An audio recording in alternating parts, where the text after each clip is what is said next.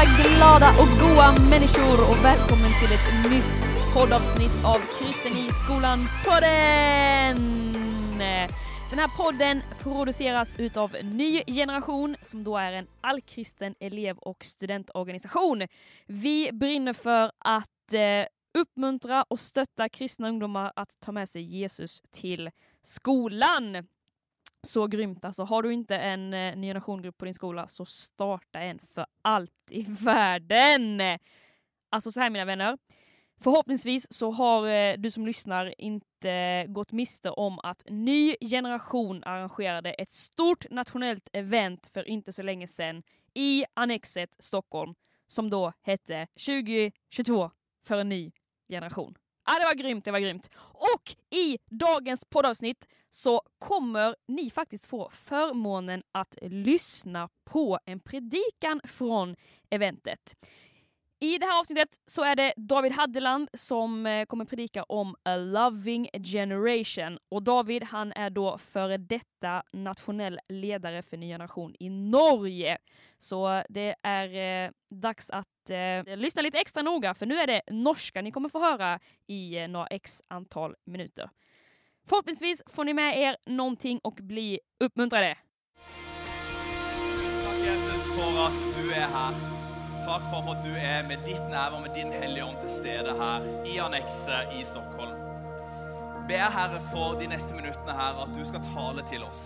Tale til våre hjerter. Tale til oss som kollektiv, men også tale til oss som enkeltpersoner. Takker deg for at denne konferansen den handler ikke om oss. Den handler ikke om oss som er her, men denne konferansen handler om deg. Og så handler den om de menneskene som ennå ikke tror i Sverige. De menneskene som vi ber for på vår skole. De menneskene på vår skole som behøver din kjærlighet og din frihet, Herre. Takk for at du legger en lengsel ned i vårt hjerte. En lengsel etter å se flere mennesker på vår skole bli kjent med deg, Herre. Takk for at du er en Gud som sitter på tronen i dag. Takk for at du òg er til stede med ditt nærvær, din hellige ånd, her i denne salen. Og jeg ber, Herre, om vi skal gå ut og være forvandla fra dette møtet. Forvandla i din kjærlighet og i ditt nærvær. Jesu navn. Amen. Amen. Gi en high five til den du sitter ved siden av, og vær så god og sitt. Herlig. Det er helt nydelig å være her i Sverige. Er det mange her som er gode til å forstå norsk? Ah, jättekul! Så kan jeg et par ord på svensk. Jättekul, hur bra som helst og a, a. Det er de tre svenske ordene jeg kan. Kanelboll, eh, kanelbull. Omtrent det. Jeg har faktisk pyntet meg for anledningen i dag med svenske sokker. Det er ganske vilt. De har kjøpt på Ullared. Eh, så jeg prøvde å bli litt svensk for anledningen. Ullared var en fantastisk opplevelse. Jeg har aldri sett noe lignende før. Og det, vi, det skal jeg predike om en annen gang.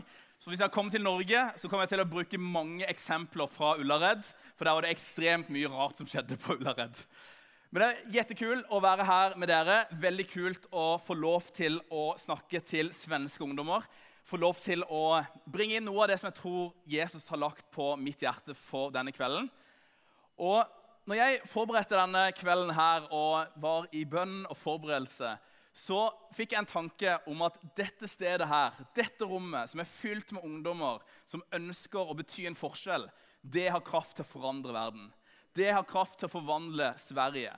Det har kraft til å forvandle svenske skoler og studiesteder. En ganske enkel nordmann. Ofte er vi nordmenn vi blir litt beskyldt for å være litt enkle. litt sånn, på en måte, Vi er ikke så dype, men veldig enkle. Og den enkle tanken som jeg har, det er at jeg tror at alle mennesker på jorda ønsker å forandre verden. Jeg tror at alle mennesker ønsker å gjøre verden til et bedre sted. Og jeg tror spesielt mye at du som har kjøpt en billett og kommet hit i kveld, virkelig ønsker å gjøre verden til et bedre sted. Og Når vi ønsker å gjøre verden til et bedre sted, så er vi i veldig godt selskap. For vi tror på en Gud som òg ønsker å gjøre verden til et bedre sted. En Gud som hele tiden speider og prøver å se hvor finnes det flere mennesker som, som kan få lov til å ta imot han, ta imot hans kjærlighet og leve et liv i hans nærvær. Og her er vi samla, Og jeg tror dette her kommer til å bli en fantastisk mulighet der vi kan bli bedre kjent med Jesus sammen. Jeg har lyst til å lese et eh, bibelord til å begynne med, som vi finner i 1. Timoteus. Det kommer på svensk på skjermen, så hvis du ikke forstår noen ting av min predikken, så forstår du bibelordene. Så det er jettekul. Og du kan, om, du kan jo be om åpenbaringen hvis ikke du forstår hva jeg sier. Men det kommer et vers her fra 1. Timoteus. Her står det at målet for dine formaninger skal være en kjærlek som kommer ur rent hjerte, godt oppsatt og oppriktig tro. Det kommer fra et hjerte. Et godt hjerte. Og nå skal jeg få inn et hjerte på scenen her. Det er ganske kult.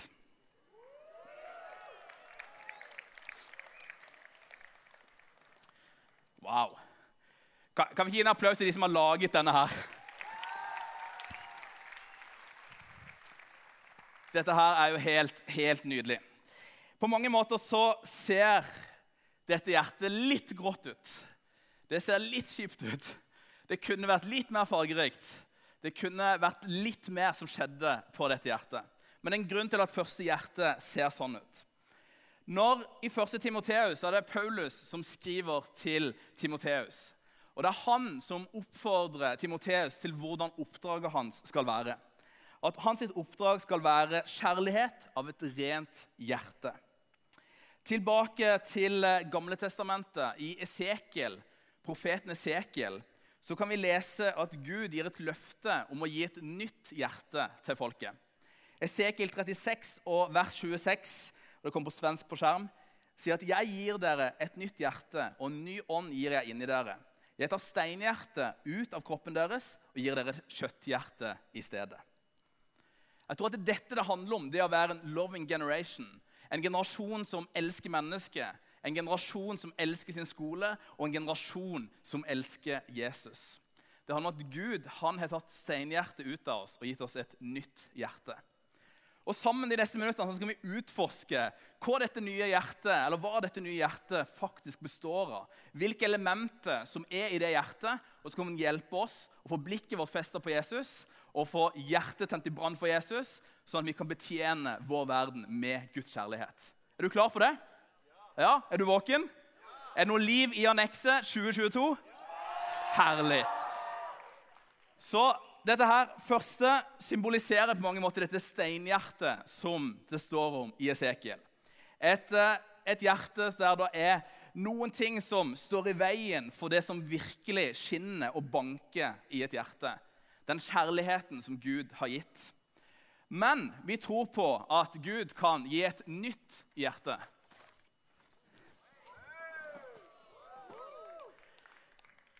Ser du deg sjøl på bildet her? Nei, kanskje ikke. Men her er det et bilde av masse unge mennesker.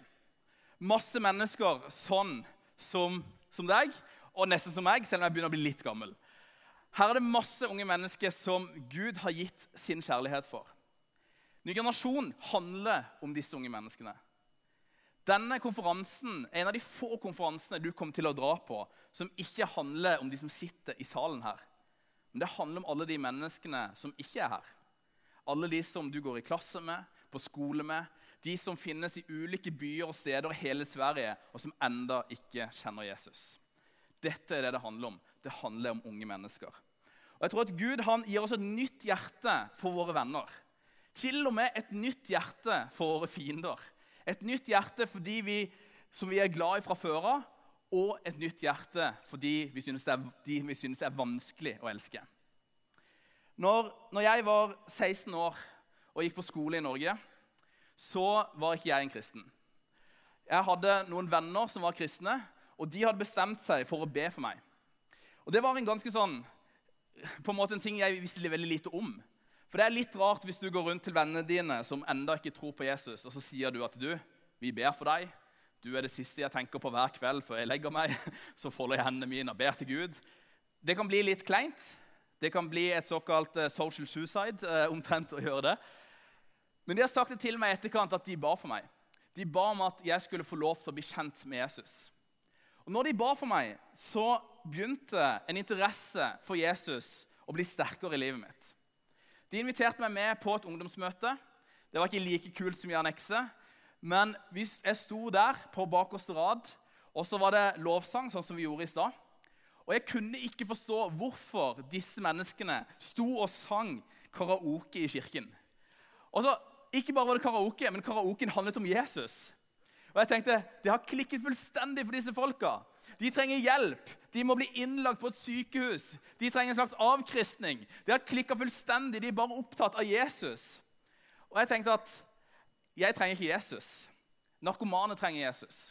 Mennesker som har syke problemer i livet sitt, de trenger Jesus som en krykke i livet.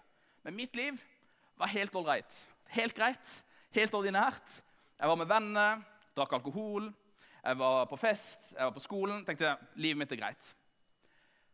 Men allikevel så var det noe med disse folkene på skolen min.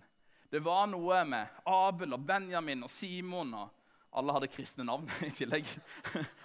Hvor mange her har Nei, vi skal ikke ta den. Men det var utrolig mange kristne navn i den kirken. Og de hadde et eller annet med seg, et eller annet i hjertet sitt.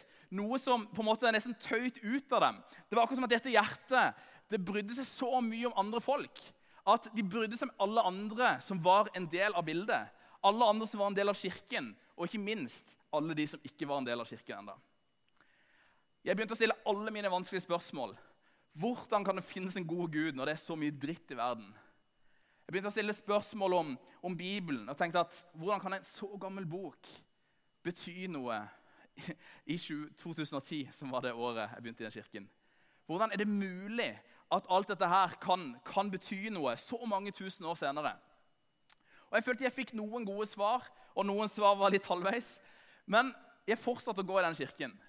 Og Uke etter uke på ungdomsmøtet så snakka de om den samme Jesus, og de sang den samme karaoken til Jesus.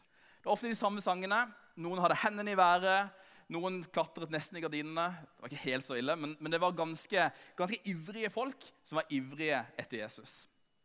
Og jeg tenkte at Hvis det de sier her, hvis det de sier om Jesus, er sant, da ønsker jeg å få tak på hvem Jesus er. Da ønsker jeg å bli kjent med Jesus. Så jeg tok en råsjanse og sa det at Jesus, hvis du fins, da vil jeg leve resten av mitt liv sammen med deg. Hvis du ikke fins, så kan jeg fortsette å spise kebab dagen etterpå, og så kan jeg leve livet videre. Jeg fortsetter å spise kebab, for så vidt. Men den bønnen forvandla livet mitt. Det kom ikke en engel og krasjlanda på tallerkenen min.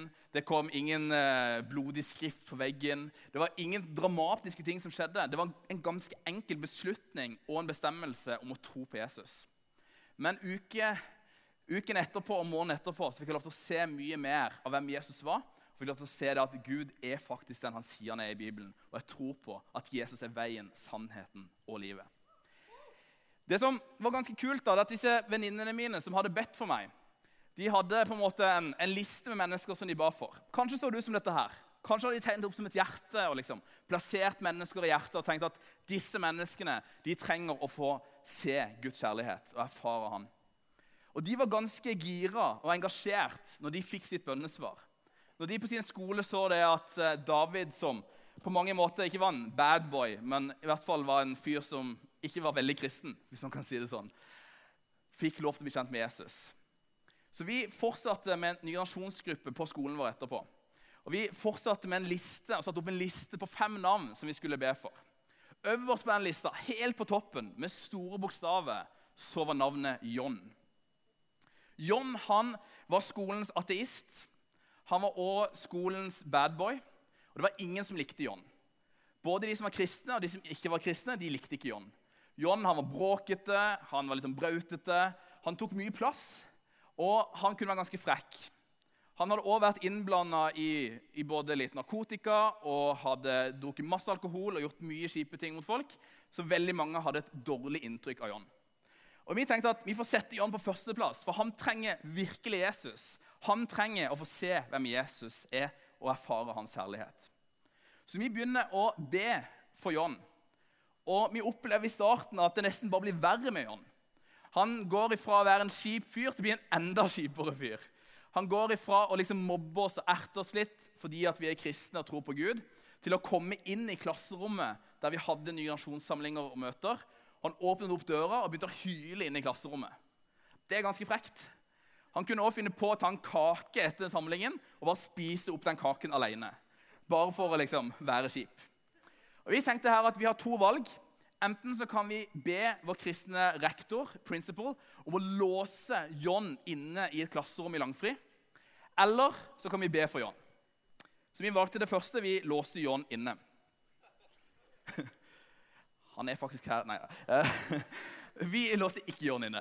Det hadde vært ganske sykt. Eh, det Vi gjorde, vi begynte å be for John. Og jeg vet ikke noen gang om du har prøvd å be for noen som du egentlig ikke liker. Noen du syns er vanskelig å elske, noen du syns er vanskelig å gi Guds kjærlighet til. Og det var det for oss. Det var sykt vanskelig å be for John. Men når vi ba for John, så ble vi faktisk mer og mer glad i John etter hvert. Vi gikk ikke rundt og klemte på John og koste på han allikevel.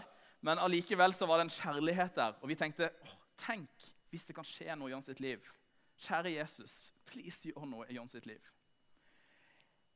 En mandagskveld så er vi samla på et bønnemøte det mest kristne arrangementet som du kan finne på planeten Jorda.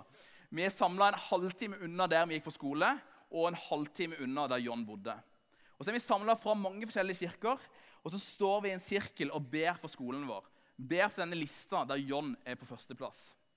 Mens vi står og ber, så kommer det noen inn i kirkelokalet og pirker meg på skuldra. Og så snur jeg meg, og så står John der. Plutselig er John øverst på lista vår han er på et bønnemøte i en kirke halv ti en mandagskveld. Og jeg tenkte, Vi kan ikke fortsette å be om at John skal bli en kristen når han står rett ved siden av oss. Altså, Det er jo superkleint. Det blir veldig, veldig konstig eh, å gjøre det. sant? Veldig, veldig merkelig å gjøre det. Så Istedenfor begynte vi å be takk Jesus for at du elsker alle mennesker. Du elsker min mor, min far, mine brødre, mine søstre og John. En halvtime seinere tar John et valg om å følge Jesus. John tar et valg om å bli etterfølger. Og jeg tror derfor at Når vi snakker om kjærlighet til unge mennesker, kjærlighet til våre venner, så er ikke kjærlighet til, til våre venner bare å gjøre ting for dem. Det er ikke bare å gjøre tjeneste for dem. Det er ikke bare å spre Guds godhet. Det er ikke bare å dele ut en bibel eller en kanelbolle eller ha fika sammen. Men kjærlighet det er òg bønn. Bønn er kjærlighet. Et av de fremste språkene for kjærlighet fra ett menneske til et annet menneske, det er bønn. Det at vi velger å be for et annet menneske, ønsker å legge det mennesket framfor Gud og si at Gud, please, vær så snill, gjør noe i dette menneskets liv. La dette mennesket få en erfaring av din kjærlighet, av din nåde og av din fred. Det er kjærlighet. Det er kjærlighet for våre venner. Oi! uh. ja, hvis jeg Da står bare og holder her litt. Uh, ikke spoile. der er nice. Her er det en, en skole. Takk. Ble litt ivrig her. Gi en applaus. Jeg vet ikke når du, når du går på skolen, hvor mange ganger du tenker at 'jeg elsker skolen min'. I love my school. Skolen er det beste stedet jeg kan være. Er det noen som tenker sånn? Ja, dere trenger hjelp. Nei da. altså, det er jo sykt spennende å være på skole. Jeg skulle ønske jeg kunne vært på skole for alltid. Fordi at I løpet av tre år på skole så bruker man tusenvis av timer sammen. Man skaper noen relasjoner og vennskap som du aldri får samme tida igjen senere i livet til å skape. Og jeg tror derfor at det er viktig når vi i Ny generasjon snakker om at skolen er verdens viktigste plass, så er ikke det bare en floskel eller en, liksom en saying. Det er ikke bare noe vi sier for at det høres kult ut eller bra ut. Men det er faktisk sant. For på skolen der skjer de største forandringene. På skolen der skjer de viktigste tingene. På skolen der blir mennesket forma. Og på skolen der kan òg mennesket bli forma av Guds kjærlighet. Der kan bli forma av dette hjertet så hvis vi har en kjærlighet for våre venner, og vi i tillegg kobler det med det stedet der vi bruker aller mest tid, som er på skolen, så tror jeg at de umulige tingene kan bli mulig. Da tror jeg det er mulig at vi kan få se at Gud gjør store ting på skolen vår, i vennegjengen vår, i et friminutt, i et klasserom. Kanskje til og med i en mattetime. Når som helst. Skolen er det eneste stedet der misjonærene allerede fins. Når vi i kirken sender ut en misjonær til India, så er jo det veldig fint. Folk trenger Jesus i India òg. Men på skolen så finnes det altså misjonærer allerede. Og de misjonærene de sitter her i salen. Men vi trenger bare å forstå at Gud har sendt oss. At Gud har gitt oss et nytt hjerte. Gud har gitt oss en ny ånd. At han har lagt ned dette hos oss, sånn at vi kan si I love my school. Jeg elsker skolen min, og jeg ønsker at flest mulig på skolen min kan få se hvem Jesus er. Nå er det et par et par bilder igjen her.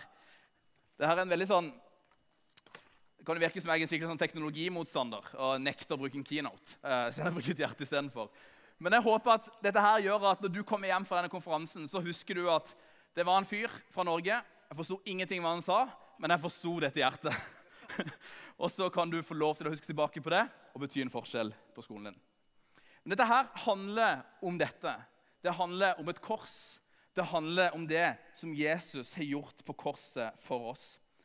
Så denne inspirasjonen og motivasjonen for å gi Jesus videre til vennene dine på skolen det er nødt til å komme innenfra. Det er nødt til å komme fra en bestemmelse og et, en, måte, en inspirasjon fra Guds hellige ånd.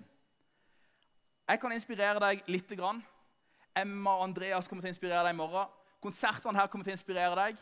Men hvis du kun blir inspirert av de ordene som vi sier, så kommer den inspirasjonen og motivasjonen til å holde en uke, to uker, kanskje en måned. Vi må forstå at tre år på en skole det er et maraton. Det er ikke en 60-meter. Og Hvis vi skal kunne gå det løpet og gå den stafettpinnen sammen med Jesus, så er vi nødt til å få den motivasjonen for han sjøl.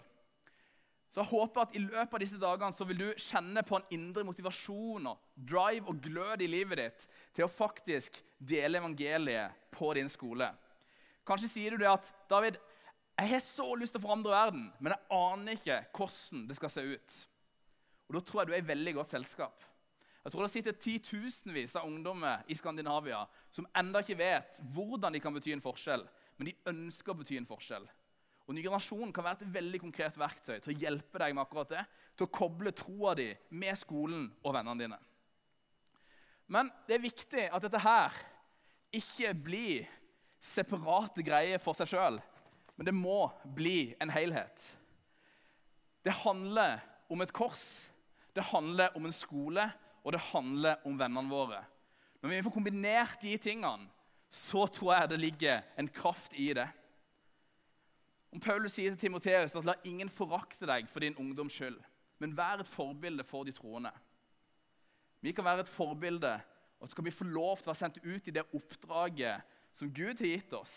Sånn som Paulus sendte ut Timoteus og snakka om at denne kjærligheten som oppdraget skulle være gjennomsyra av, så kan vi vite at Gud har gitt oss et nytt hjerte.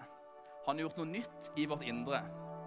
Og fordi han har gjort noe nytt i vårt indre, så handler ikke dette om våre egne prestasjoner, men det handler om Guds prestasjon. Det handler ikke om hva jeg kan få til på min skole for Jesus kjent, men det handler om hva Jesus kan gjøre igjennom meg. Og det er hele forskjellen. Det er en stor forskjell når vi begynner å tenke på den måten.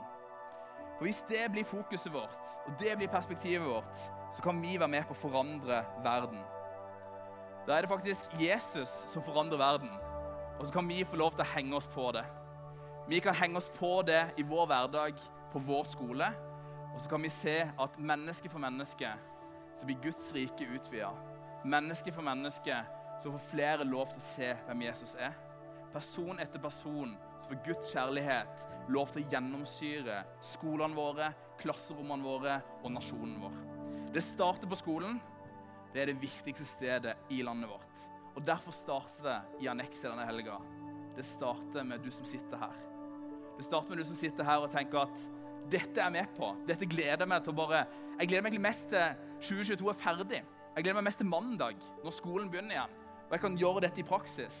Men det gjelder òg for deg som kommer her og syns dette her er kjempevanskelig. Du vet ikke hvilke svar du skal gi på de spørsmålene som kommer. Du aner ikke hva du skal gjøre for å bety en forskjell og for å kunne gi Jesus videre på din skole.